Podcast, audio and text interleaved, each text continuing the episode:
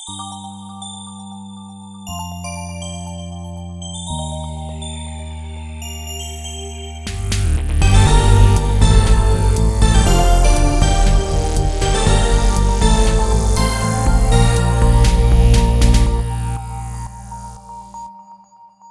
iedereen! Zoals altijd bieden wij om de week een podium aan mensen en ideeën die meer aandacht verdienen. Vandaag spreek ik moraal- en politiek filosoof Patrick Loobuik. In zijn boek Met elkaar voor elkaar vertelt hij hoe een crisis zoals de coronapandemie onze samenleving onder druk zet en de rol die wij als burger hierin kunnen spelen. Hallo Patrick. Hallo Arie, goeiedag. Daar zitten we dan. Ik vond het een hele grappige. Jij begint jouw boek eigenlijk met de constatering. Jij dacht, nou, oh, de coronaperiode begint, nu heb ik dus niet zoveel te doen. Ja, dat klopt. Maar dat is toch wel veranderd, toch? Ja, klopt. Ik ben filosoof en ja goed, ik ben wel actief, in, vooral in Vlaanderen, in het publieke debat, maar dan vooral over thema's die te maken hebben met de multiculturele samenleving, de plaats ook van religie en met name ook de islam in onze samenleving, diversiteit, integratie, al dat soort dingen. En dat is best wel een heftig debat, hè, net zoals in Nederland, hè, want het gaat dan ook over identiteit en zo. En ja, toen de coronacrisis uitbrak, dacht ik, ja, nu, nu gaat dat debat wel een beetje liggen. En je ziet dat ook op sociale media. Mensen hebben het plots niet meer over de moslims, maar plots waren de virologen kop van het, of bij sommige mensen. En ik dacht, eh, ja, ik ga dat wat aan mij kunnen laten voorbij gaan. Maar dat bleek inderdaad niet zo te zijn. Blijkbaar kwamen we toch snel ook, ja, laten we zeggen, filosofische of maatschappelijke vragen naar boven. En ja, ik merkte dat ook ook journalisten die kwamen toch relatief snel, vond ik, ik had dat niet gedacht, relatief snel terug bij mij en bij mijn collega's filosofen terecht met hun vragen daaromtrent. Ja. ja, het leuke daaraan is eigenlijk dat jij erachter kwam dat jouw denkwijze dus rond nou, dus de multiculturele samenleving, et cetera, het combinatiedenken, zoals jij dat noemt, eigenlijk hartstikke goed toepasbaar was op nou, wat er nu gebeurt tijdens de coronaperiode, toch? Ja, klopt. Ik heb een aantal jaar geleden een boek geschreven, Samenleven met gezond verstand. En daarin probeer ik op een, ja, beetje consistente manier over die thema's na te denken die ik daarnet al noemde, die multiculturele samenleving, de plaats van religie in onze samenleving. En ik vertrek daarbij ja, van de morele uitgangspunten van ons samenlevingsmodel. En welk samenlevingsmodel leven wij? Dan denk ik, als ik dat dan nu zou vragen, was zou je zeggen, ja, we leven in een democratie. We leven in een vrije samenleving en we leven niet in een dictatuur die democratie waarin we leven is natuurlijk niet perfect. Hè, dus daar is nog valt van alles over te zeggen. En maar hè, de grote uitgangspunten zijn toch, hè, we vertrekken van een idee dat we ja, elkaar als vrij en gelijke burger respecteren. Dat we ja, burgerschap ook aan de dag leggen. Dat er een democratisch systeem is. En ja, die dingen die, die pas ik dan ook toe inderdaad op, het minderhedendebat. Maar die, ja, ik zag dat diezelfde thema's ook naar boven kwamen in de coronacrisis. Plots moesten we gaan nadenken ja, oké, we leven in een open en vrije samenleving. Wat betekent dat nu, die vrijheid die ons normaal gezien gegund wordt? Nu we in een crisissituatie terechtkomen, ja, blijkt dat die overheid bij machten is om heel vergaande vrijheidsbeperkende maatregelen op te leggen. Dat gaat van mondkapjes dragen tot letterlijk, zoals men het in Vlaanderen zei, in uw kot moeten blijven. Wij moesten thuis blijven. We mochten op bepaalde momenten, bepaalde uren van de dag niet buiten komen. We mochten mensen niet zien. Dus heel, heel vergaande vrijheidsbeperkingen. Ja, en dat zet dan natuurlijk als politiek filosoof ook wel aan het nadenken. Hè. Mag de overheid dat doen? Waarom mag ze dat doen? En hoe zit het dan met onze vrijheid? Ja, en ik vind het leuke om bij jou dus te zien. Nou, er is een reden waarom we je hebben benaderd. Jij blijft er wel optimistisch in. Dus je begint jouw boek eigenlijk met echt te kijken van... waar is nou de grens voor de overheid om echt in te grijpen? Om te zeggen, wij gaan dit zo doen, jij mag dit niet meer, jij mag zus niet meer. Ja. Uh, misschien wel leuk om te beginnen om een beetje te schetsen, nou, niet per se iedereen hoor, maar wat veel publieke mensen denken. Die zien eigenlijk voor zich, jij haalt Foucault heel vaak aan, als een soort van het beeld dat wordt geschetst door de doemdenkers, door de pessimisten. Toch? Ja, jij zegt echt hoe hij een soort van horror schetst. Dat vinden wij opeens heel, heel toepasselijk. Ja, er zijn, er veel mensen, een aantal mensen, ook collega's van mij, met name collega's van mij, vooral eigenlijk historici en filosofen, die inderdaad vaak met Foucault onder de arm, dat is een Franse intellectueel, die het in zijn werk heeft over, een beetje een moeilijke term misschien, biopolitiek. En daarmee wijst hij erop dat we ja, de laatste eeuwen, dat de overheid eigenlijk zich steeds meer is gaan bemoeien met volksgezondheid. En ons in het kader van die volksgezondheid ook steeds meer ja, maatregelen is beginnen opleggen. En ze doet dat op basis van allerlei ja, statistische modellen. En Foucault zegt, ja, zo, net zoals vroeger de kerk bezig was met ons zielenheil, de gezondheid van onze ziel, zo is de staat eigenlijk vandaag bezig met de gezondheid van ons lichaam. En die mensen die daar vanuit Foucault over nadenken, die zien dat eigenlijk als een soort van negatieve evolutie. Want zij zien die overheid steeds ja, groter worden, machtiger worden. En zij gaan zelfs zo ver om die overheid dan ja, ja, autoritair te gaan noemen. Bijvoorbeeld René ten Bos, dat is een denker des vaderlands geweest in Nederland. Hij heeft vrij snel in de coronacrisis al een boek geschreven. Sommige mensen waren nog veel sneller dan ik om daarover een boek te schrijven, blijkbaar. Die had een boek geschreven, De Coronastorm, waarin hij het had over het coronafascisme. Dus waarin hij zegt, kijk, die overheid, die, die maatregelen die de overheid neemt, die, die neemt dusdanig grote proporties in dat we ja, bijna een soort van fascistische constellatie terechtkomen, waarin de vrijheid van mensen heel sterk beknot wordt, waarin er een soort van kuddegeest ontstaat, want iedereen moet dan mee in datzelfde verhaal tegen corona strijden. Er komt ook een soort van heldendom op de hoek kijken. Hè. Dus die experten bijvoorbeeld, die worden op een voetstuk gezet. Ja, en ik vind dat interessant. Foucault is interessant om te zien inderdaad dat met name ook in zo'n coronacrisis de overheid inderdaad heel veel speelruimte krijgt om bepaalde maatregelen door te voeren. Maar ik ben toch inderdaad minder pessimistisch dan die Foucaultianen, zoals ik ze in mijn boek noem, die volgelingen van Foucault. Omdat ik vind dat zij te weinig oog hebben voor de morele logica die de overheid heeft gebruikt om onze vrijheden aan banden te leggen. Ik ontken niet dat de overheid onze vrijheden aan banden heeft gelegd in functie van de volksgezondheid. Maar ik vind dat eerder positief. En je kunt natuurlijk discussiëren over particuliere maatregelen. Kwamen die te vroeg of te laat? Waren die proportioneel of niet? Er zijn ook absurde maatregelen genomen geweest. Zeker ook, in België, de eerste lockdown, ben ik nog door de politie aangesproken geweest op het moment dat ik in het park om de hoek met mijn eigen zoontje op een rustig terrein ging voetballen. Terwijl natuurlijk, dat is absurd natuurlijk. Dus je kunt daar allemaal over discussiëren, maar de algemene er is wel een, morele logica waarvan waaruit de overheid vertrekt. En dat heb ik proberen te verduidelijken in het boek. En wat is die morele logica? Kijk, dan kom ik terug op dat basisconcept van die vrijheid. Hè. U en ik vinden het belangrijk om vrij te zijn. Maar vrijheid, zo zijn we toch opnieuw, we zijn daar opnieuw achter gekomen door de coronacrisis, betekent niet, ha, hoera, ik mag doen wat ik wil. Dit is niet het vrijheidsconcept dat aan de basis ligt van ons samenlevingsmodel. Hoe, hoe spijtig genoeg je misschien dat ook vindt. Hè? Nee, onze vrijheid is noodzakelijk, noodzakelijk een soort relationele vrijheid.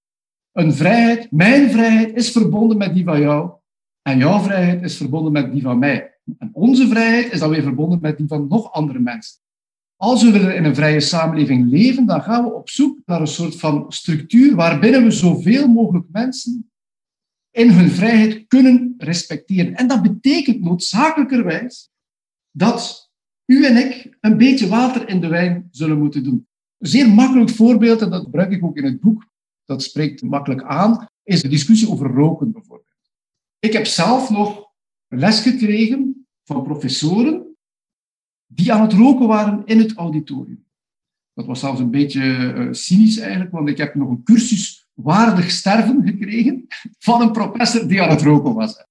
Um, op vandaag is het natuurlijk ondenkbaar hè, dat ik met een sigaar vooraan zou staan of dat ik studenten op het mondeling examen met een pijp zou ontvangen. Maar we vinden het legitiem dat de overheid die mensen in hun vrijheid beknot. Waarom? Ja, en dat is natuurlijk de crux van de hele situatie, van de hele kwestie.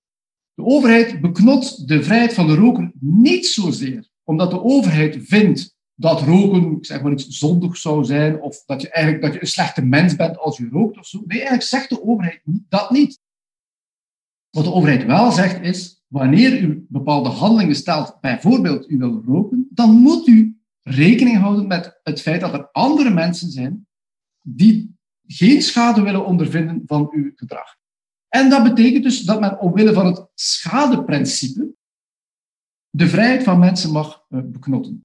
Dat is eigenlijk een zeer eenvoudig principe. Je hoeft geen doctoraat te hebben in de politieke filosofie, gelukkig, om dat te begrijpen. Het schadeprincipe zegt gewoon, u mag van uw vrijheid gebruik maken, tot zolang u niet de vrijheid van andere mensen beknotten. En dat betekent, u mag met uw vuist zwaaien, zoveel u wil, maar natuurlijk niet iemand op zijn neus kloppen, want dan doe je iemand fysisch pijn enzovoort. En dan, dat gaan we niet toelaten. Dat is het schadeprincipe. Dus u mag ook roken. U mag ongezond leven. De overheid heeft daar op zich geen mening over, maar de overheid zegt wel, ik ga de andere mensen hun vrijheid beschermen. En ik kan dat ook afdwingen. En eigenlijk, denk ik, moet je de coronamaatregelen op dezelfde manier bekijken zoals we die rook, of eh, ja, rookbeperkende maatregelen zien. We hebben het mondkapje gedragen, niet zozeer om onszelf te beschermen, daar diende trouwens het mondkapje sowieso niet voor, ook technisch gesproken niet, maar om andere mensen te beschermen.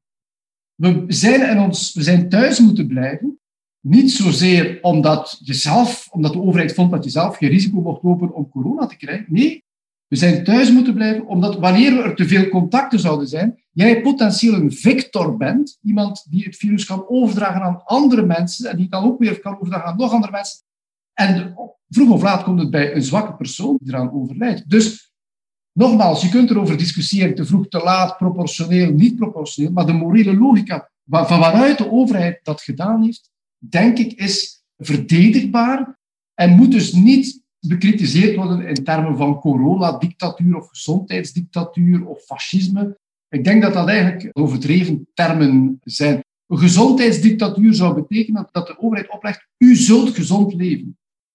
Maar dat doet de overheid strikt genomen niet. De overheid mag wel u informeren. De overheid mag wel zeggen, roken schaadt de gezondheid. En dat denk ik dat dat een legitieme taak is van de overheid. Want wanneer u niet zou weten dat roken de gezondheid schaadt, dan bent u eigenlijk ook niet echt vrij om voor roken of niet roken te kiezen, want dan ben je niet geïnformeerd. Dat is lange tijd met asbest het geval geweest. En mensen gebruikten asbest zonder eigenlijk goed te weten hoe schadelijk dat was. Ondanks het feit dat het wel al geweten was, dat is problematisch. Je moet mensen informeren vanuit de overheid. Je moet zeggen, kijk, als je zus en zo leeft, dan heb je bepaalde risico's, zeg maar iets, op hart- en vaatziekten enzovoort. Maar wij kunnen u dat niet opleggen, we gaan u dat ook niet opleggen. Mocht de overheid dat doen, dan wordt ze paternalistisch en dan krijg je inderdaad een soort van gezondheidsdictatuur. De overheid, paternalisme betekent redenering opzetten met als argument, ik weet wat goed is voor u.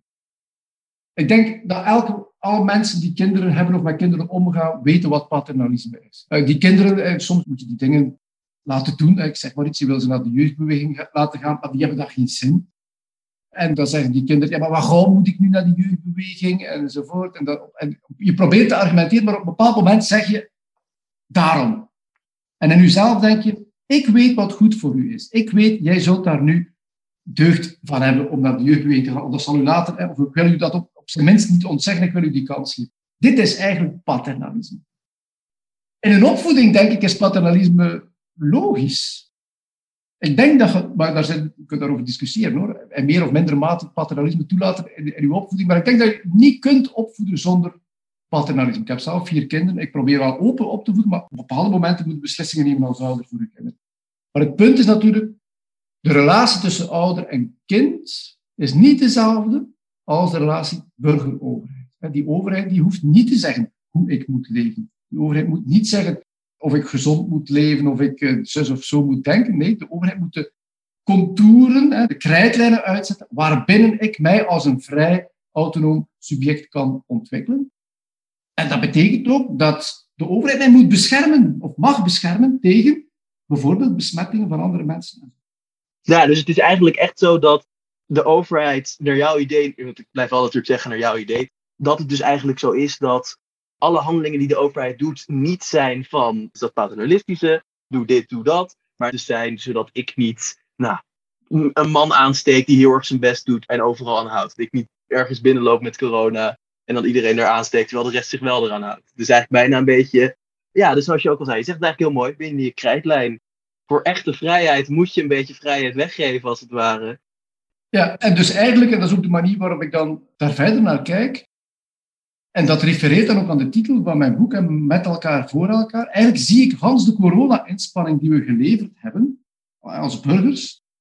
Ja, ik vind, al bij al mogen we ons daar wel een pluim voor op de hoed steken, omdat dat eigenlijk een oefening was, een vergaande oefening in solidariteit. Vandaar dus die met elkaar voor elkaar. Waarom hebben we die, al die maatregelen nageleefd? Ja, we doen dat voor elkaar. We doen het om elkaar te beschermen. En we hebben dat ook noodzakelijkerwijs met elkaar moeten doen. Want als u en ik ons best zouden doen, maar de grote massa doet zijn best niet om die regels na te leven, dan heeft onze inspanning geen zin. Dus we, doen het voor elkaar, maar noodzakelijk ook met elkaar. En dat is eigenlijk dezelfde oefening nu met de vaccinatie. Ook hier doen we het in belangrijke mate voor elkaar. In die zin dat heel veel mensen die nu gevaccineerd zijn, strikt genomen niet zo heel veel risico lopen om door corona zelf heel erg ziek te worden. Maar doordat ze zich laten vaccineren, hebben ze minder kans om besmet te worden. Hebben ze ook minder kans, als ze nog besmet geraken, om ernstig ziek te worden en in het ziekenhuis terecht te komen. En hebben ze ook minder kans om het door te geven. Het risico is niet nul, maar er is minder kans. Waardoor je dus meedoet aan een oefening waarbij je dus zegt, kijk, door, doordat we ons samen, ook hier met elkaar, want als u en ik ons laten vaccineren en de rest niet, heeft het ook weer geen zin. Voor elkaar, maar noodzakelijk ook met elkaar. Als we dat met elkaar doen, ja, dan kunnen we ervoor zorgen dat die samenleving weer open kan. Dus we doen dat voor elkaar. En we, dan kunnen we er ook voor zorgen dat die zorgsector uit de gevarenzone geraakt. En ook dat doen we dus voor elkaar.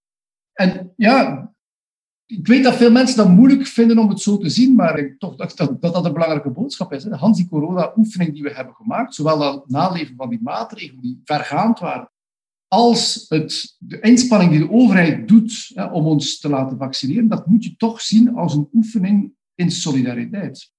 Ja, en ik vind het dan wel moeilijk. Hè? Ik, het grappige is, ik had twee dagen geleden dat ik met mijn collega hier eigenlijk een heel erg vergelijkbare discussie over. Ik was zeg maar heel erg van, ja, maar solidariteit inderdaad. Dus ik heb mij ook laten vaccineren bijvoorbeeld. En dat is niet omdat ik doodga als ik corona krijg, maar omdat ik zoiets had van, ja, ik ga het anderen niet aandoen, dus dat wil ik ook niet. Maar wat zij eigenlijk zei was dat het wel interessant is, want als je dus nu bijvoorbeeld, hè, nu zijn dus de restaurants en bioscopen zijn weer open, maar dan moet je dus een, of voor mij is het ook bij theatervoorstellingen, dat soort dingen eigenlijk meer, maar je snapt wat ik bedoel, moet je een coronabewijs hebben. Maar daarmee zorg je dan dus wel voor dat mensen die zich niet laten vaccineren, die het in twijfel trekken, eigenlijk worden buitengesloten. Tenminste, dat, ik hoor haar dat nu in mijn achterhoofd zeggen. Dus eigenlijk ben je daar wel gewoon weer aan het ja, onderscheiden, segregeren. Want dan kan je zeggen, ja, je bent vrij om te doen wat je wil, maar je moet thuis blijven, want je kan niks, want je hebt niet je vaccinatiepas, als het ware. Wat, denk jij daarover? Ik heb, de, de vaccinatiepas is, een uh, heel specifiek onderwerp waar de meningen heel sterk over uiteenlopen. Als je dat debat van buitenaf bekijkt, eventjes, dan zie je dat dat een heel gepolariseerd debat is. Sommige mensen... Ik heb zelf in Vlaanderen die discussie ook wat mee aangezwengeld al in het voorjaar, omdat ik vond dat in België was het coronabeleid en ook de vaccinatie, dat was gebaseerd op uh, samen uit, samen thuis. Dat was de redenering. Hè? Dus we doen alles samen. We gaan ook dan voor iedereen tegelijk versoepelen enzovoort. Terwijl ik dacht, ja, mensen die gevaccineerd zijn, die zijn mogelijk veel minder besmettelijk enzovoort. Dus kunnen we dan die mensen dan nog dezelfde vrijheden ontzeggen? Hè? En is dat geen relevant onderscheid die daar gemaakt kan worden tussen wie gevaccineerd is en wie niet gevaccineerd is? Nu, ik heb gemerkt dat door die discussie aan te vuren, dat is een heel emotionele discussie. Dus al van meet af aan kreeg ik dan het verwijt dat ik nazisme bepleit, eh, discriminatie, gezondheidsapartheid. Er werd ook verwezen naar de gele sterren enzovoort. Nou, dat wel zeggen, ja. Die kreeg ik ook naar mijn hoofd gegooid. Zoiets van, uh, ja. ja, klopt. Dat is de eerste vaststelling. Dat debat is heel erg gepolariseerd.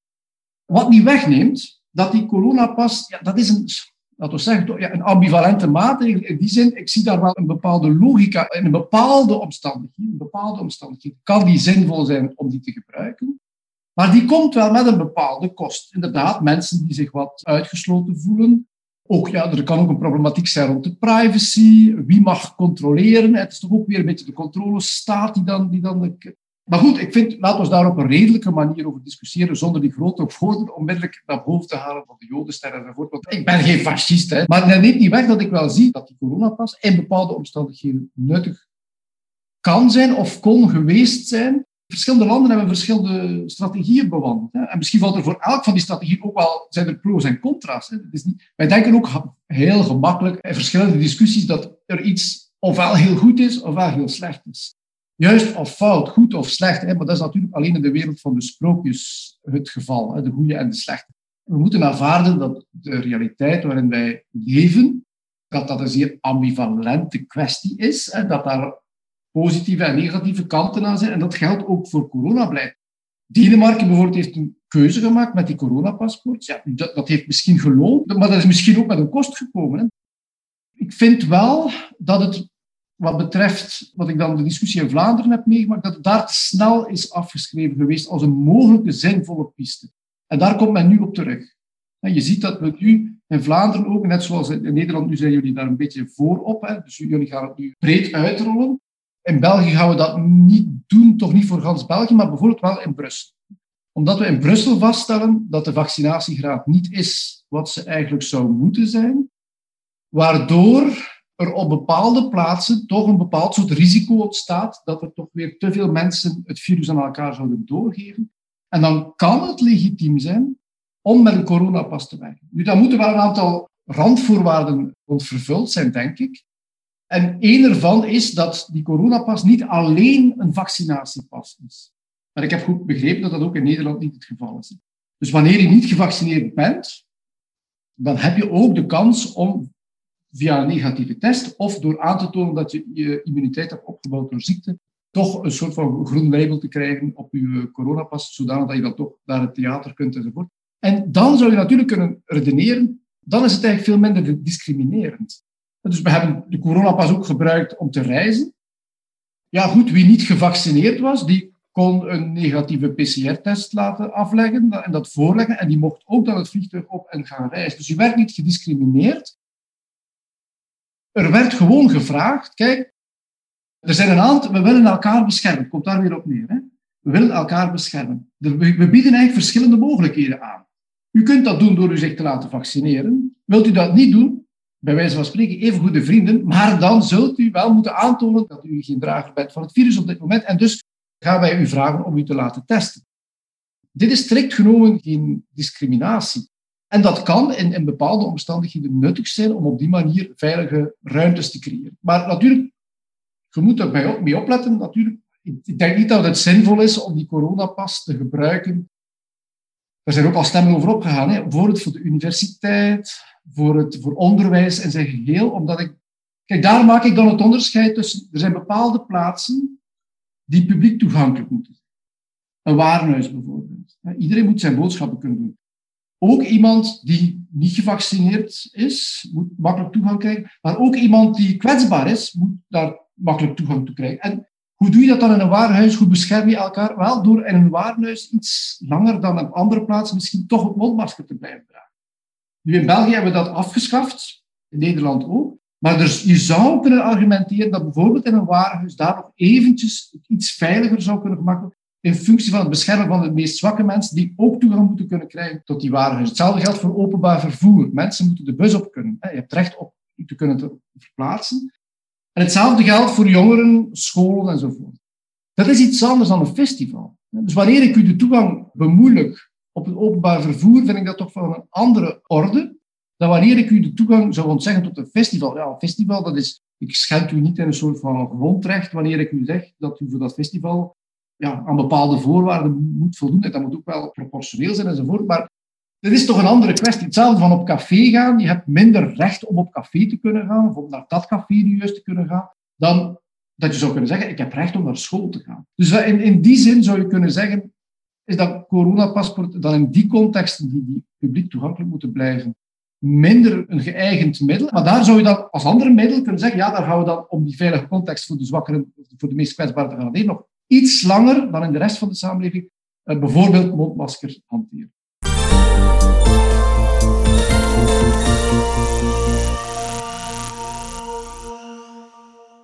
Goed, je ziet ook, alle landen maken daar verschillende keuzes in enzovoort. En het is niet altijd even consistent. Maar als ik daar als filosoof probeer over na te denken, is dat, eh, laat ik nu een beetje proeven van de manier waarop ik daar naar, eh, naar kijk. Want daar zeg je dit wel, maar dat is natuurlijk ook het hele idee van een filosoof. Dus daarom ook, ik had ook nooit, denk ik, gedacht toen de crisis begon. Ah, filosofen, die kunnen die lekker allemaal uh, niet met vakantie, want corona. Maar lekker is, want inderdaad, het is natuurlijk wel belangrijke kwesties. Maar ik vind het namelijk wel moeilijk, hè, want wat je daar dus zegt, je zegt dus zo van, nou, dus bijvoorbeeld een festival, dat is een ander geval. Maar er zijn natuurlijk wel dingen als, nou ja, gewoon sociale interactie. Bijvoorbeeld ik, als al mijn vrienden naar een, ik ben gevaccineerd, maar laten we even zeggen dat ik niet gevaccineerd ben. Als al mijn vrienden naar een festival gaan en ik ben niet gevaccineerd. En ik mag dan niet naar dat festival, of in ieder geval, moet dan dus iets kunnen aantonen als het ware. Waar houdt dan op wat echt noodzakelijk is? Dus waar begint het openbaar vervoer en eindigt een festival als het ware, denk jij? Ja, daar kan ik niet zomaar de grens op leggen, de vinger op leggen. Er zullen waarschijnlijk wel grijze zones zijn, maar ik denk dat je wel aanvoelt dat het recht op toegang tot openbaar vervoer iets anders is dan het recht om naar een bepaald uh, café te gaan. Eén heeft, maar natuurlijk, je hebt wel recht op een soort van vrije tijd en sociaal leven, maar dat hoeft natuurlijk niet per se op café. Je kunt even goed buiten afspreken met mensen. Dus het is toch een andere kwestie. En kijk, er was ook een fundamenteel verschil tussen het moment waarin nog niet iedereen gevaccineerd was. Dan is het feit dat sommige mensen, met name dan ook jongere mensen, als ze niet gevaccineerd waren, dan was dat vaak omdat ze nog geen uitnodiging hadden gekregen. En dan is die vaccinatiestatus, het feit dat ze niet gevaccineerd zijn, is dan niet de verantwoordelijkheid van dat individu. Want ze waren nog niet uitgenodigd. Vandaar dat ik altijd ook pleitbezorger ben, ben geweest van als je die coronapas gebruikt, bijvoorbeeld om te reizen deze zomer, zoals we dat hebben gedaan, bied gratis testen aan aan mensen. Want mensen die niet gevaccineerd zijn, vaak zijn het mensen die nog niet de kans hebben gekregen, dus zij kunnen daar niet aan doen. In het Engels zegt men dan dat dat is circumstance. Dat is de omstandigheid. Je kunt daar niks aan doen. De situatie verandert, en dat is natuurlijk een interessante discussie. De situatie verandert wanneer iedereen de kans heeft gekregen om zich te laten inenten.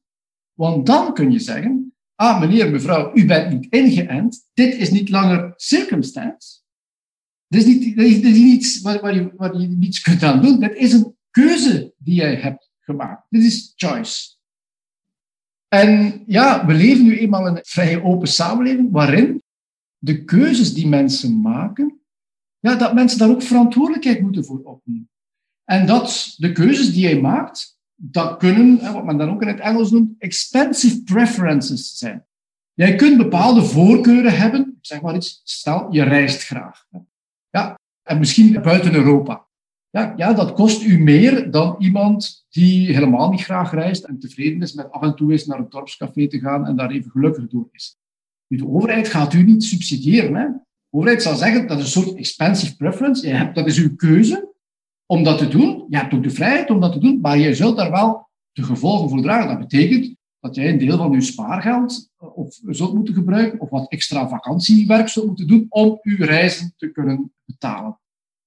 Wel ja, de keuze om u al dan niet te laten vaccineren, dat komt ook met bepaalde gevolgen. Dat komt ook met bepaalde consequenties, waar u eigenlijk ook voor een stuk als individu verantwoordelijk kunt voorgesteld worden. En dus wanneer men dus zegt, nogmaals, je moet die pas niet overal tegelijk invoeren en ook niet gelijk welke omstandigheid, maar er kunnen, er zijn situaties denkbaar, vind ik, waarin zo'n coronapas dienstbaar kan zijn ja, dat dan bepaalde mensen wat meer in een vrij beknot zijn, door de keuzes die zij hebben gemaakt, dat is eigenlijk wel iets wat, wat vaker voorkomt in onze samenleving, hoor. Dat mensen verantwoordelijk gesteld worden voor de keuzes die ze maken. Nu, het is een moeilijk debat, want ik heb ook met collega's ethici daarover gediscussieerd. Er zijn mensen die zeggen, kijk, eenmaal iedereen de kans heeft gehad om zich te laten vaccineren, en we werken met een coronapas, dan moet de persoon die zich niet laat vaccineren, die test altijd zelf betalen. Dat is het gevolg van zijn keuze. De andere mensen zeggen nee. Je mag met de coronapas werken, maar zolang de overheid zegt je bent niet verplicht om je te laten vaccineren, hebben mensen recht om te zeggen ik laat mij ook niet, niet vaccineren.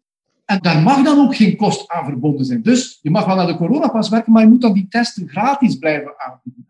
Dus ja, daar kunt u over discussiëren. Het hangt ook een beetje af wat uw doelstelling is van de coronapas. Nou, natuurlijk, de coronapas een soort slinkse manier is, en dat is natuurlijk steeds meer het geval, heb ik de indruk, om niet alleen een veilige context te creëren, want daarvoor dient hij uiteindelijk. Hè, om een bepaalde woord in het theater te garanderen van kijk, we kunnen hier terug dicht bij elkaar zitten zonder mondmasker, maar we gaan afspreken dat de mensen die hier binnenkomen ja, veilig zijn voor elkaar. Hè. Maar in toenemende mate zie je dat coronapaspoort ook gebruikt wordt als een slinkse manier om de vaccinatiedruk te verhogen en om de vaccinatiegraad te verhogen. En je ziet ook dat het ergens werkt. Hè. Frankrijk heeft die vaccinatie pas uitgerold deze zomer. En al de weken daarvoor zag je dat het aantal mensen die zich liet vaccineren opnieuw terug heel sterk aan het stijgen was. Voor Nederland geldt trouwens hetzelfde. Dus je ziet, en, en in Brussel hoopt men nu dat datzelfde effect zich een beetje zal voordoen. Ik weet niet of dat daar zal lukken, want ik weet niet of de mensen die nu niet gevaccineerd zijn in Brussel zich door die coronapas nu echt zullen laten overtuigen of zo. Misschien zelfs niet, dus dat is nog koffie te kijken. Maar wat ik wil op wijzen is, je kunt die coronapas dus gebruiken om een veilige context te creëren, maar je kunt hem ook gebruiken om vaccinatiedruk te, aan te zetten. Daar ben ik minder voorstander van. Maar als je dat natuurlijk als overheid doet, dan is het natuurlijk slim, en slim staan aanhalingstekens, in functie van je doel, dat je dan zegt, die test moet betalend zijn. Want dan zet je inderdaad druk op mensen. Je kunt wel zeggen, ik ga één keer naar een café en ik ga een coronatest betalen. Maar als je natuurlijk twee, drie keer per week dat moet doen, of een paar keer per maand dat moet doen, dan loopt zodanig op dat je dan eigenlijk toch een soort indirecte vaccinatieplicht krijgt. En dan, denk ik, is het misschien eerlijker als overheid om te zeggen, kijk, we gaan de vaccinatie verplichten. Als, als dat toch uw doel is, als dat toch datgene is wat nodig is, als we er niet graag op basis van vrijwillige vaccinatie in bepaalde regio, dan moet de overheid kleur bekennen. En nu met die coronapassie, dat ze een beetje de grenzen aftasten en dus enerzijds zeggen, vaccinatie blijft natuurlijk vrij. Maar anderzijds voor het sociaal leven zo gaan normeren, zo gaan controleren, dat, ja, dat die vaccinatievrijheid de facto geen echte vaccinatievrijheid meer is. Daar zitten we momenteel in, denk ik, in dit soort discussies. En ik denk dat het misschien ook wel moeilijk is, hè, want het handige is dat ik dit gesprek met mijn collega heb gehad, dat ik dus nu allemaal goede want zij, is dus, zij heeft zich ook niet laten vaccineren, heel bewust. En zij is dus echt een beetje de, ja, niet de andere kant nog was. Je zegt dat ook mooi in je boek. We zijn te erg op kanten gaan zitten. En daardoor kunnen we eigenlijk gewoon geen gesprek meer houden. Want iedereen is boos op elkaar. Maar dat nog even daar laten. Ik wil het straks nog iets weer over hebben. Over het discussiëren, hoe belangrijk dat is. Maar het lijkt er nu bijna een beetje op alsof het een beetje ja, bijna griep gaat worden. Dat is nu gewoon, ja, zeg het maar. Ik bedoel, uh, op hoeveelste we zitten nu op de derde variant volgens mij toch? Waar dan ook quasi weer onze vaccinatie niet tegen werkt. Ik bedoel, je hebt natuurlijk voor ouderen ook de griepprik en voor de mensen in de zorg. Krijg je hier niet dus een beetje mee dat we eigenlijk dus nu de overheid eigenlijk ons dwingt om dingen te doen? Gebaseerd dus op een shock van corona, dat toch opeens was dat iedereen iets goed wist. En dat we daar dus bijvoorbeeld een keuze maakt voor iets dat vergelijkbaarder wordt met de griep. Om dan dus opeens ons te dwingen dingen te gaan doen. Snap weet je wat ik bedoel? Is het wel helemaal geïnformeerd om voor iets zoals dit. twee, dingen, twee dingen daarover. Als inderdaad corona echt niet meer wordt dan een griep, en daar gaan we denk ik inderdaad naartoe, maar zijn we nu nog niet helemaal, dan heb je gelijk. Maar we zijn dat nog net niet. En vandaar dat de overheid en ook een aantal experten uh, ja, zoekende zijn van wat kunnen we toch nog doen om, bijvoorbeeld in Brussel is de situatie precair. Op vlak van gaan we in het najaar en de winter voldoende de zorg voor iedereen. Dat, opnieuw komt hier de solidariteit, want als ik straks in Brussel een ongeval heb, moet ik wel verzorgd kunnen worden of ook naar intensieve kunnen gaan. Als dat dan vol ligt met mensen die corona hebben, zoals we dat hebben meegemaakt, dan is er een probleem. En ik vind dat de overheid daar een verantwoordelijkheid in heeft. De overheid heeft de verantwoordelijkheid naar de zorgsector toe, naar de mensen die in de zorg werken, om ervoor te zorgen, proberen ervoor te zorgen dat dat niet nog eens gebeurt. Dat die zorg zo onder druk komt te staan. En dus op dit moment kan het legitiem zijn, eh, nogmaals, in bepaalde omstandigheden, om bepaalde maatregelen te blijven handhaven. Als echter blijkt, nu na verloop van tijd, noem maar iets, hè, het voorjaar volgend jaar, corona zal niet helemaal weg zijn, maar het zal inderdaad misschien net zoals niet meer dan een griepje zijn op dat moment, dan zijn die maatregelen inderdaad niet meer nodig. Moeten die ook weg? Hè? Ik blijf er ook op, het woordje proportionaliteit is, is ook in mijn denken heel belangrijk. En ik wil er ook echt ook mee op waken dat de maatregelen die de overheid genomen heeft om onze vrijheid te beperken, dat die natuurlijk op gepaste tijd terug worden weggenomen. Want dat was ook een zorg van die Fukuyaan, waar we het al eerder over hadden, dat die zei, ja, die overheid zal nu maatregelen nemen en die zullen nooit meer afgebouwd worden. En dat risico, dat is een punt, hè, dat risico bestaat. Dus je zult bij mij een medestander vinden om, wanneer die maatregelen niet meer nodig zijn, dan moeten we inderdaad op de barricade staan om te zorgen dat die, dat die maatregelen ook weer weg zijn.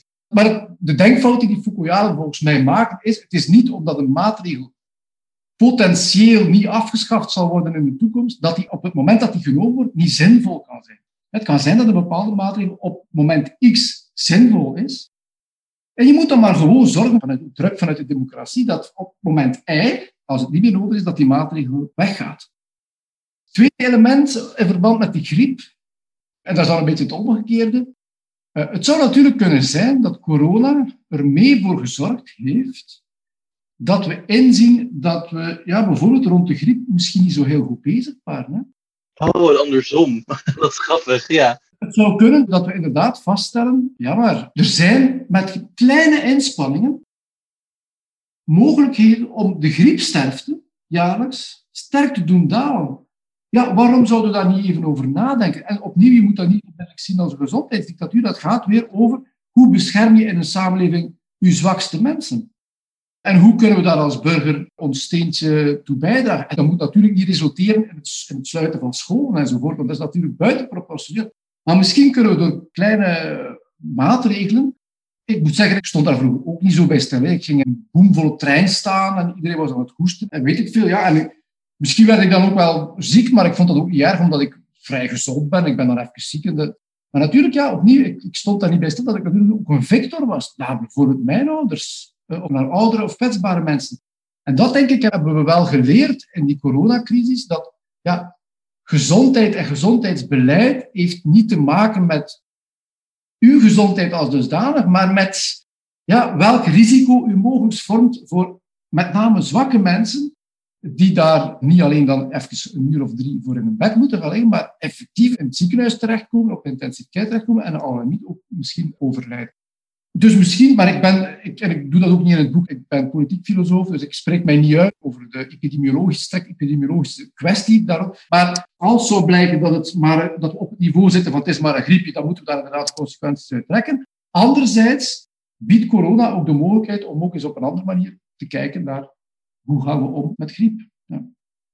Is waar heel veel mensen de griepbehandeling gebruiken als een soort argument van dus het moet veel minder streng zeg jij eigenlijk, dus is het super raar dat wij niet strenger zijn met griep. Vind ik grappig bedacht. Ik vind op zijn minst dat we daar moeten over nadenken. Ik zeg niet dat, daar nu, dat we daar nee. ik, is geen, ik denk niet dat het dat is geen onnozele oefening, denk ik, om daar op die manier ook even naar te kijken.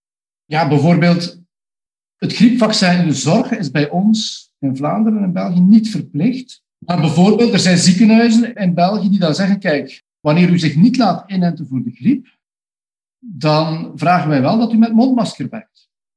Zodanig dat u kwetsbare mensen, de zieken die hier binnenkomen, niet mogelijk aansteekt met griep. Ja, dit is logisch. Begrijpt u? Maar die logica daarvan zien we nu veel beter in, post-corona, dan voordien misschien. Dus dit soort dingetjes, daar zijn we, we of ik althans, wat gevoeliger aan geworden. En nogmaals, dat heeft niks te maken met een overheid die individuele mensen wil gaan pesten of autoritair zijn of paternalistisch zijn. Het heeft te maken met zorgen voor elkaar. Het heeft te maken met kwetsbare bescherming. En ja, en ik blijf ook wel van het idee dat ja, de kwaliteit van uw samenleving hangt voor een stuk samen met de mate waarin je erin slaagt om kwetsbare mensen voor een stuk te beschermen.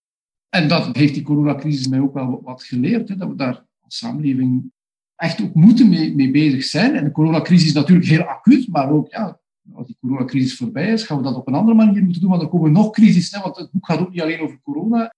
Het gaat over ja, we zitten ook in een klimaatcrisis. Ook daar gaan we de oefening moeten maken. Hoe kunnen we dat, die transitie die van ons gevraagd zal worden, van ons gevraagd wordt, hoe kunnen we die maken op een solidaire manier? Hoe kunnen we die maken waarbij we ook oog hebben voor mensen die financieel niet zoveel mogelijkheden hebben, bijvoorbeeld. Of die niet zo makkelijk toegang hebben tot allerlei diensten die dan zorgen voor um, milieuoptimalisatie, of mensen die ja, die niet mee in het verhaal, omdat ze, soms weinig nieuws volgen. Je ziet dat ook in corona. Je ziet bijna, met name in Brussel toch, ja, zie je bijna apart, ja, parallelgemeenschaften. Dus die, die op zichzelf gaan staan, waarin allerlei verhalen de ronde doen. Ja, in normale tijd zeg je, ja, dat is niet wenselijk, zo'n parallelgemeenschap, maar goed, dat valt misschien nog wel mee te leven. Maar in een crisissituatie stel je vast van, oh, Dori, al die mensen die zijn echt vatbaar voor de verhalen in de gemeenschap. Wij hebben daar geen toegang toe met onze gezondheidszorg ze zijn niet voor reden vatbaar, van die argumenten die druipen daarvan af. Ja, dan voel je dat dat natuurlijk wel problematisch is. En dat je daar ook als overheid, ook in een niet-crisissituatie, moet in investeren. En, en ja, ervoor zorgen dat, dat je al je burgers mee hebt, op voet van, gelijkheid. Hè. En dat ze zich niet zomaar kunnen afzonderen in aparte gemeenschappen of bubbels. En dat je probeert zoveel mogelijk mensen mee te krijgen. Niet onbelangrijk. Ook, ook nog een ander punt die daarmee te maken heeft, denk ik, is vertrouwen. Hè we ook misschien wel een beetje te veel onderschat. Je ziet nu in toenemende mate uit internationaal onderzoek ook dat mensen die zich niet laten inenten, dat hun mindset vaak op wantrouwen staat. men vertrouwt de overheid niet. Men vertrouwt de wetenschappers niet. Men vertrouwt de media niet.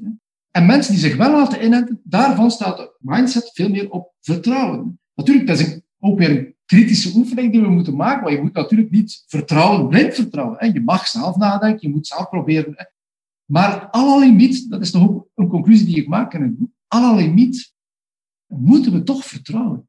Hoeveel jij ook individueel nadenkt, en ik individueel nadenk en probeer rapportjes te lezen enzovoort, alle limiet moeten we vertrouwen stellen in instanties die ons informatie geven, die bepaalde conclusies trekken. Want ik heb natuurlijk niet de tijd, en u ook niet, om alles wat wij voor waar aannemen te gaan controleren. Daar hebt u de tijd niet voor, daar hebt u ook de mogelijkheden niet voor. Dus bepaalde dingen vind ik ook echt te moeilijk natuurlijk. Ik, heb dat, ik kan dat niet begrijpen. Dus ik moet vertrouwen. En dan is natuurlijk de hele kwestie, waar vertrouw ik op? Waar leg ik mijn vertrouwen? Vertrouw ik de overheid? Vertrouw ik de zogenaamde mainstream media of vertrouw ik eerder de sociale media? Vertrouw ik de reguliere experten of vertrouw ik die ene die zo wat tegengas geeft enzovoort? Dus ja, daar draait het eigenlijk om. Hè? En je voelt ook dat bepaalde minderheidsgroepen die minder vertrouwen hebben in die overheid en in de samenleving, omdat ze op allerlei discriminatiemechanismen botsen, op muren botsen, waardoor ze het gevoel hebben, terecht of ten onrecht, maar ze hebben het gevoel, de perceptie, dat ze niet helemaal bij horen. Dat ze niet helemaal alle kansen krijgen zoals iedereen. Wel, net met name die mensen zijn heel vatbaar voor wantrouwen. En dat kan als gevolg hebben dat in die groepen dan ook inderdaad meer gekozen wordt om te zeggen, wij gaan ons niet vaccineren, we gaan daar niet aan meedoen. We vertrouwen het zaakje niet. Ja, ik vind dat, zijn buitengewoon interessante lessen die we daaruit kunnen trekken, op hoe op, op, in de toekomst zullen samenleven. Wat zei je ook in jouw boek eigenlijk aan het begin, dat is ook nog een conclusie uit een ander boek, dat als wij ons maar weer bewust worden van onze, zeg maar, de basisprincipes van onze democratie, tot dan eigenlijk het allemaal zo. Dus ik hoor dat hier heel erg in terug. Dus bijvoorbeeld dat we dus wel moeten beseffen dat vrijheid niet alleen vrijheid voor mij is. Niet ik kan iedereen neerschieten, dan wordt het geen vrijheid meer, omdat dan uiteindelijk dus iemand anders ook iedereen gaat neerschieten, waaronder ik. Dus dat je heel erg eigenlijk buiten jezelf daarin moet staan. En dus ook met dit, dat vertrouwen. Dus dat je ook niet altijd maar. Ja, dat je ook dan vertrouwen moet hebben in dat de democratie resultaten levert waarvan jij denkt dat dat goed is. Want anders, ja, werkt het ook niet. Dus eigenlijk, wij moeten ons gewoon veel meer volgens jou bewust worden. Veel kritischer, want zo noemde je dat volgens mij kritisch burgerschap dus weten ook hoe wij bepaalde vrijheden verkrijgen, toch? Dat is eigenlijk denk ik een beetje wat jij, nou, als je het heel groot wilt trekken, wilt zeggen. Ik denk inderdaad wat je. Ik geloof dat een aantal discussies die wij voeren minder gepolariseerd en minder angstig gevoerd zouden worden. Mochten meer mensen inderdaad vertrouwen dat de ander ook mee beseft wat de uitgangspunten zijn van ons democratisch model. Ik kan mij voorstellen, nu, nu ga ik naar een onderwerp uit mijn eerste boek, inderdaad, over samenleving met gezond verstand en, en minderheidsdiscussies enzovoort. Ik kan mij voorstellen dat bijvoorbeeld er mensen zijn vanuit atheïstisch perspectief of humanistisch perspectief of, of liberaal of hoe je het noemen, die zeggen, ja, die moslims zijn die wel te vertrouwen. Want die moslims, ik zie dat toch altijd uh, mensen die wat flirten met sharia-gedachten enzovoort en, en vrijheid van meningsuiting, is blijkbaar ook moeilijk. Ja, de Mohammed-cartoon zit. Dus ja, kunnen we die moslims dan wel echt een plaats geven in onze democratie enzovoort. Dus er is daar een soort van wantrouwen over de vraag, kent de moslim wel het ABC van de democratie en van de grondrechten enzovoort. Maar ook omgekeerd natuurlijk, en dat, dat zien mensen vaak niet. En dat is inderdaad, je hebt er al naar verwezen in het begin, ik doe aan combinatiedenken, dus ik zeg ook vaak en tegelijkertijd, maar ook omgekeerd enzovoort. Dus ik probeer de zaak vaak vanuit verschillende perspectieven te bekijken. Ik denk dat dat een rijker beeld geeft van de werkelijkheid dan wanneer je het vanuit één hokje eh, bekijkt. Dus oké, dat perspectief ten aanzien van de moslim, daar kunt u zich iets bij voorstellen. Maar ook natuurlijk het omgekeerde geldt natuurlijk net zo goed. Die moslim zegt, ah, jullie beweren in een democratische rechtsstaat te leven, maar zodra ik hier een hoofddoek draag, dan wordt dat geproblematiseerd. En als ik een burkini draag op het strand, dan komen er foto's van online die virtueel gaan. Hè. En, onverdoofd zwachten wordt geproblematiseerd. En, en straks ook de besnijdenis, noem maar op. Ja, hoe zit dat dan eigenlijk met jullie idee van, van godsdienstvrijheid? Dus ook daar is er dan een soort van wantrouwen ten aanzien van die samenleving. Ja, jullie zeggen wel dat jullie voor godsdienst en gewetensvrijheid zijn, maar in de praktijk voelen wij dat niet. En ik denk dat de discussie zou kunnen winnen, mocht zowel die moslim als die vrijzinnig liberale humanist dat zij van elkaar beter zouden weten en voelen. Want kijk, wij delen een bepaalde grond die te maken heeft met respect voor elkaars basisvrijheden, respect voor vrijheid en gelijkheid, respect voor de morele uitgangspunten van het samenlevingsmodel waarin we hier proberen samen te leven. En vanuit die gedeelde grond kunnen we natuurlijk over van alles en nog wat van mening verschillen. Politiek van mening verschillen, religieus van mening verschillen, moreel van mening verschillen. Maar je blijft elkaar ergens wel vinden en vasthouden in een gesprek waarin je altijd ook weer voor een stuk terug kunt gaan naar een basis die je deelt. En dat vertrouwen is voor een stuk weg in de discussie rond identiteit en de plaats van moslims in onze samenleving en is daardoor heel erg gepolariseerd geraakt. En eigenlijk moet je vaststellen dat dat vertrouwen in elkaar ook weg is geraakt op een bepaald moment in die coronadiscussie. En we daardoor ook dat die kampen die dan zijn ontstaan heel sterk uit elkaar zijn gedreven en eigenlijk, tot mijn spijt, ook niet meer on speaking terms zijn met elkaar, wat dan eigenlijk ook een heel slecht publiek debat oplevert, waarin mensen niet meer echt met elkaar aan het praten zijn om van elkaar bij te leren, maar eigenlijk alleen nog maar met elkaar aan het praten zijn, als je het nog praten kunt doen, om het eigen gelijk uit te schreeuwen en de ander in het ongelijk te stellen, en liefst in morele termen. Hè. Je bent achterlijk, of je bent irrationeel, of je bent een wappie, of je bent atma, enzovoort. Wat natuurlijk allemaal de discussie niet vooruit Dus ook dat heeft weer het gesprek blijven met elkaar over die moeilijke thema's, heeft toch ook met vertrouwen te maken. En we zitten, ik heb er al naar verwezen, hè, ook in een, die klimaatcrisis die op ons afkomt, waarin we ook al zitten. Hè. Ik hoop, maar ik zie natuurlijk al eerst tekenen dat het niet zal lukken, maar ik hoop dat die klimaatdiscussie niet zo gepolariseerd geraakt. En dat we daar op een redelijke manier als samenleving ja, kunnen gaan kijken, wat kunnen we doen? En we gaan dan ook van mening verschillen. Hè. De een zegt met kernenergie, de ander zegt zonder kernenergie. De een zegt alles moet hernieuwbaar, de ander zegt andere middelen.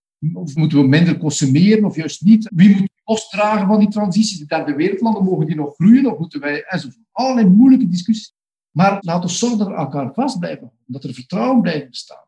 Maar natuurlijk zie je nu al dat die klimaatdiscussie dat die ook al aan het polariseren is. Dat heeft dan ook te maken, denk ik, omdat die discussie op de identiteit van mensen komt te zitten. Dat zeggen dus ik mag eigenlijk niet meer barbecuen en ik mag niet meer vliegen en ik mag mijn houtblokjes in de haard niet meer branden. Mag ik nog Nederlander in Nederland zijn? Hè?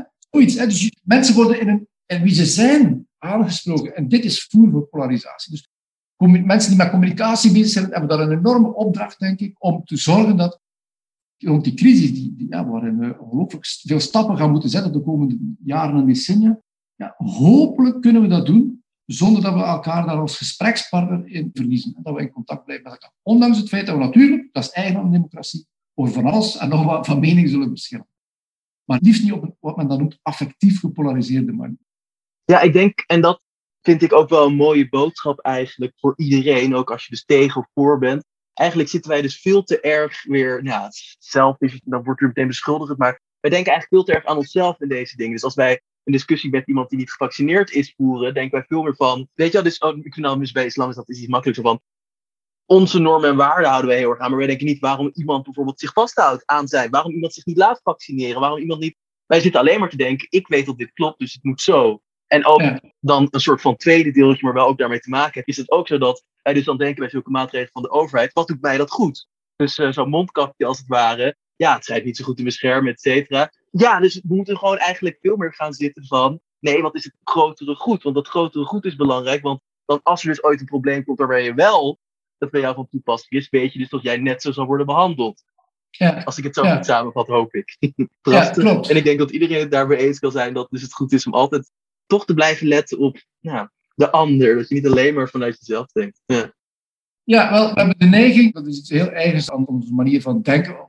Eigenlijk gewoon over hoe onze hersens functioneren. We hebben inderdaad de neiging, waar we een standpunt hebben ingenomen, om voortdurend op zoek te gaan in de werkelijkheid naar datgene wat ons standpunt bevestigt. En we zijn eigenlijk zeer weinig op zoek naar ja, wat kan mijn standpunt verrijken? Wat kan mijn standpunt misschien doen wijzigen? Of misschien zijn er wel dingen die mijn standpunt helemaal omverblazen.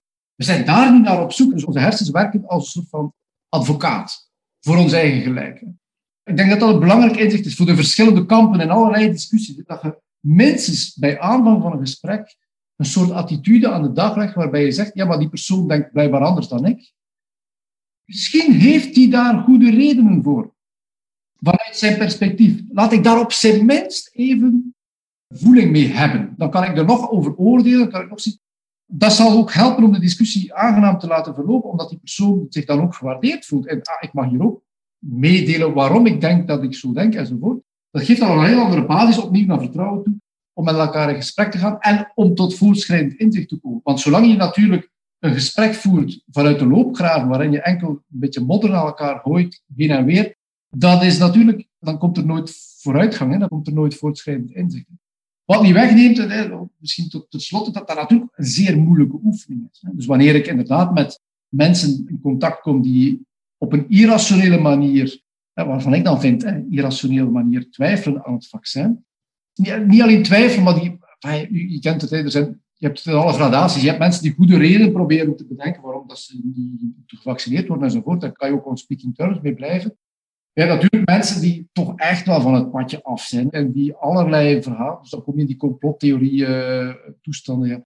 Dan wordt het natuurlijk uitermate moeilijk om die mensen ernstig te nemen en daar een goed gesprek mee te hebben. En daar ben ik ook niet aan uit hoor, hoe je daar dan precies moet mee omgaan. Maar dan voel ik wel, ik ben tolerant, ik ben open, maar blijkbaar heeft dat ook zijn grenzen. Maar je hebt er wel over nagedacht van, kan ik een kant begrijpen, zeg maar. Daar zit denk ik dan dus het verschil weer.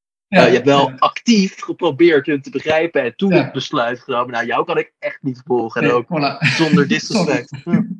Heel mooi. Hey, we zitten op onze eindtijd helaas. Want wij zouden we allebei hier nog dagen over door kunnen gaan.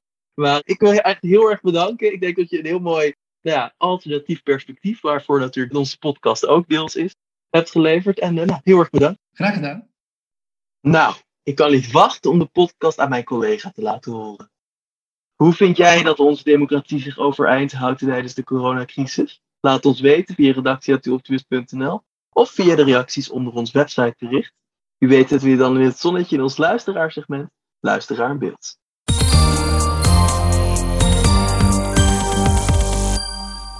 Deze week vertelt Piet Smit over de verrijking die de natuur hem brengt. Ik en Thomas zouden broers kunnen zijn. Mijn dag is verpest als ik niet aan mijn rondje natuursnuiven kom. Dan kom ik pas echt tot rust. Ja, wat is die rustgevende werking van de natuur toch heerlijk, hè Piet? Als dit de eerste podcast is die je van ons hoort, kan je via onze website, Spotify, of welke plek je dan ook graag podcast luistert, de hele podcast over Thomas Merton horen, waar dit een reactie op was. In deze podcast vertelt Kik Bras hoe de lyrische natuurbeleving van deze trappistenmonnik aanstekelijk werkt. Ook zou het waarderen als je een positieve review achterlaat op Apple Podcasts. We zijn over twee weken weer, maar in de tussentijd hoef je natuurlijk niet met je duimen te gaan zitten draaien. Zo is ons jubileum nummer 200 uit. In dit extra dikke nummer laten we jou aan het woord.